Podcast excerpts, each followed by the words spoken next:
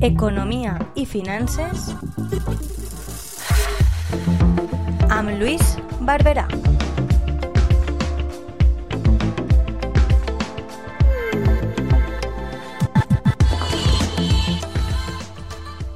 Buenos días, estimados y estimadas oyentes de la Tegua Radio.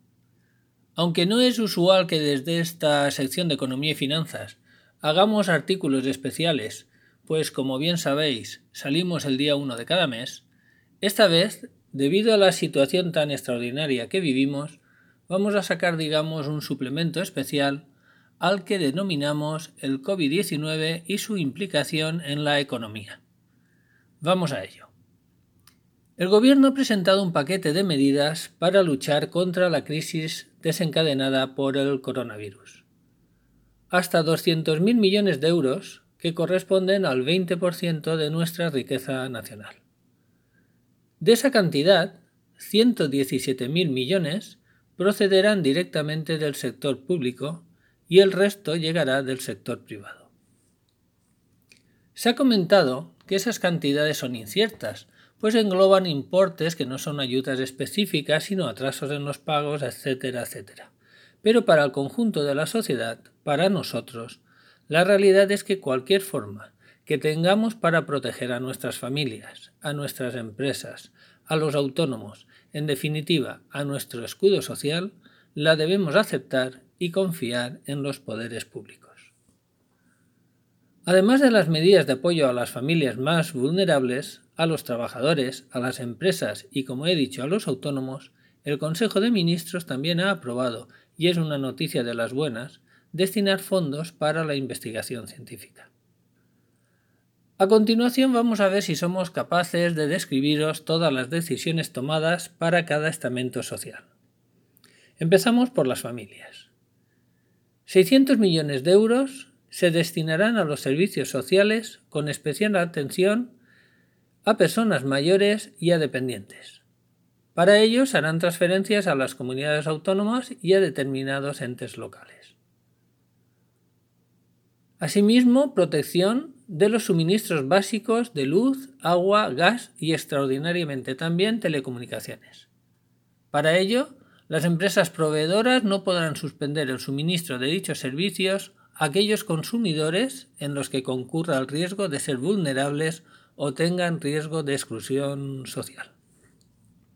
No se especifica cómo acceder o tener derecho a ello, incluso cómo solicitarlo, por lo que debemos estar a la espera de conocer la forma de trámite o, en todo caso, llamar, nunca ir, al teléfono del ente público que normalmente esté encargado del asunto que corresponda, donde deberán informarnos sobre los pasos a seguir.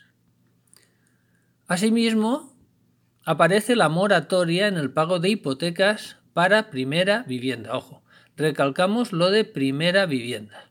No vale para segunda residencia, en la compra de un local, garaje o similar. En este caso tendrán derecho a ello las personas que hayan reducido sus ingresos o estén en situación de desempleo por esta pandemia.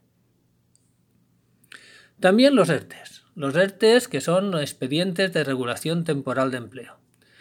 Como bien indica su nombre, la empresa que haya eh, solicitado entrar en un ERTE, sus trabajadores y trabajadoras deben saber que eh, es un expediente de regulación temporal.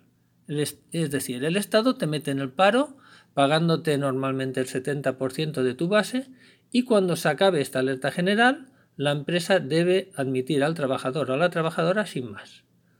Sabemos que hay empresas, normalmente grandes, que han pactado con sindicatos dar cantidades que compensen a sus trabajadores.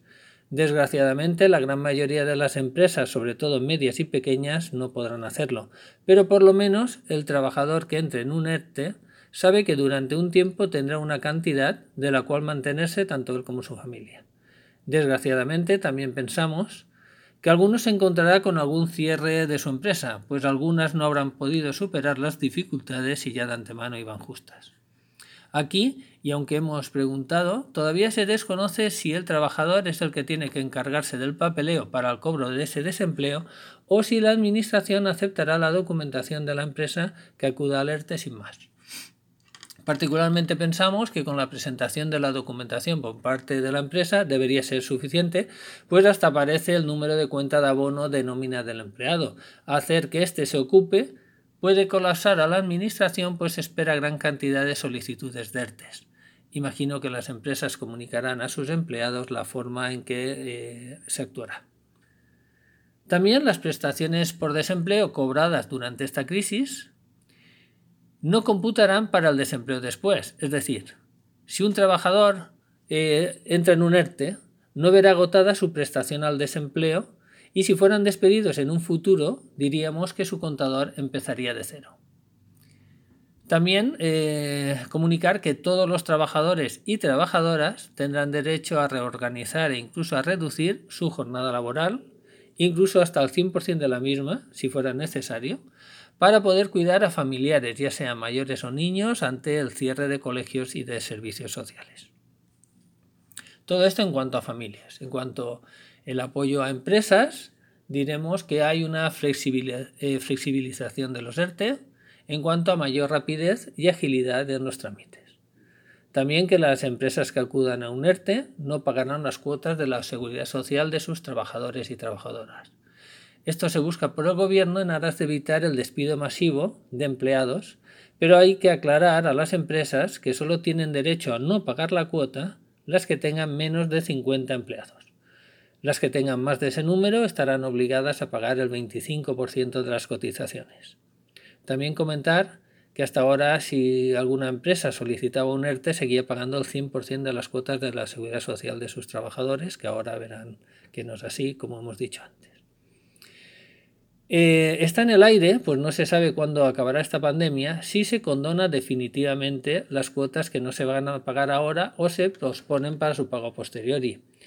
Eh, hay noticias de todas clases. Eh, las asesorías comunicarán a las empresas la resolución definitiva del gobierno. Asimismo, las empresas tendrán que fomentar el teletrabajo cuando las circunstancias lo permitan y además pueden acceder a determinadas ayudas para la compra de ordenadores, a apoyo a la digitalización de las pymes e incluso a planes de I+D, etc. Se crea también una línea de avales con la garantía del Estado para facilitar liquidez a empresas por importe de hasta 100.000 millones de euros. En esta línea se incluyen la línea de avales públicos para que la banca privada destine de 20.000 millones de euros ampliable hasta los 50.000 millones de euros, al objetivo de evitar tensiones de liquidez de esas empresas y así proteger eh, a las empresas y asimismo a los trabajadores que están ahora mismo inactivos. Estas operaciones irían a través del ICO, el Instituto de Crédito Oficial, a un interés eh, pendiente de conocer, pero que pensamos que debería de ser muy, pero que muy bajo, y como decimos, con el aval del Estado, para que en el caso de que la empresa peticionaria cierre no arrastre al sector financiero. Así que los bancos, a su vez, deberían de aplicar una manga ancha en la concesión de estos créditos. Se crea también una línea dotada con 2.000 millones de euros para las empresas exportadoras y habrá una línea específica de 400 millones de euros para las empresas dedicadas al turismo. En este caso, esta línea va vía ICO solamente. En cuanto a los autónomos, decir que se suaviza el acceso a la prestación extraordinaria por cese, eh, por cese de actividad, a la que ya tenían derecho con anterioridad, por verse obligados a cerrar sus establecimientos o a suspender sus servicios. Explicar que afectará a profesionales que vean caer su facturación un 75% en relación con el semestre anterior, Aquí hay una cierta queja, no sin razón, por parte del sector, pues extraordinariamente pudieran haber realizado una facturación especialmente alta y tendría que contemplarse de otra manera. Eso si no acceder a ese derecho sin más. La prestación por cese de actividad será compatible con la exoneración del pago de cuotas, pues no van a tener que abonar cuota alguna. Además, el tiempo de percepción de la ayuda se entenderá como cotizado, lo cual es una ventaja aunque sea en el futuro. Hay alguna ayuda aparte de alguna que otra comunidad autónoma al sector, por ejemplo, la Generalitat Catalana eh, ha aprobado ayudar con un máximo de hasta 2.000 euros a los autónomos. Este importe sería máximo, pues la Generalitat solo ha destinado 7,5 millones de euros, insuficiente para atender a todos, así que tendrán que explicar cómo se puede acceder a ellas. En cuanto a la Generalitat Valenciana, desconocemos si se ha destinado alguna cantidad e imagino que serán las asociaciones de autónomos las que comuniquen a sus afiliados tales noticias. En cuanto al apoyo a la investigación para hallar una vacuna, se han propuesto medidas para apoyar a la investigación científica y se destinan 30 millones de euros para el CSIC y al Instituto de Salud Carlos III. Siempre pensaremos que es poco importe, pero bueno, toda piedra hace pared. Aparte de lo anterior, vamos a comentar otras disposiciones importantes, como son eh, que eh, la relajación del gasto a los ayuntamientos para permitirles gastar sus ahorros, si los tienen, en servicios sociales, dependencia, etcétera, y siempre y cuando estén relacionados con el coronavirus.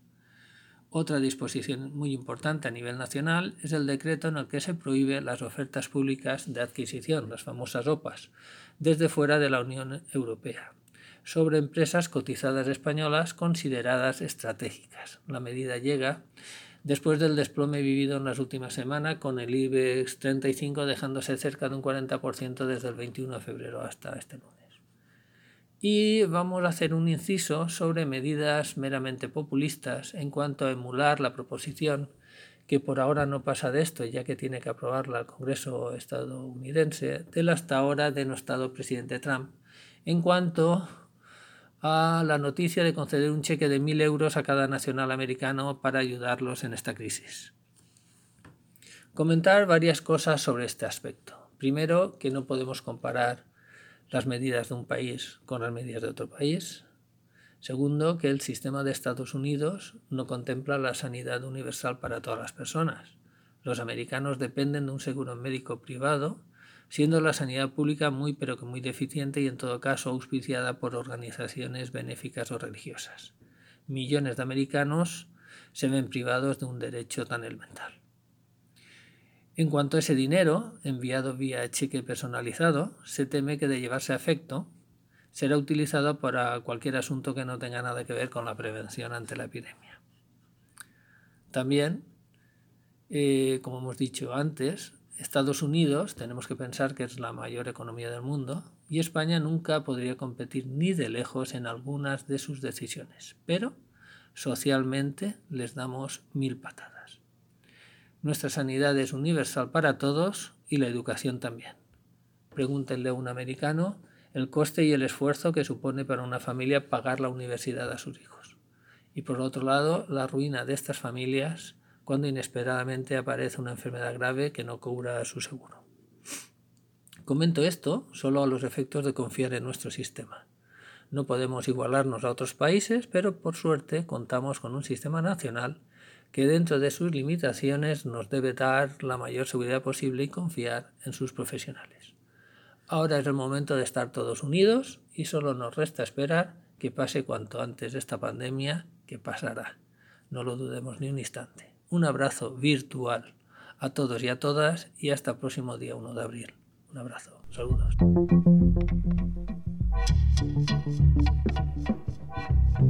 Economía y finanzas amb Luis Barberà.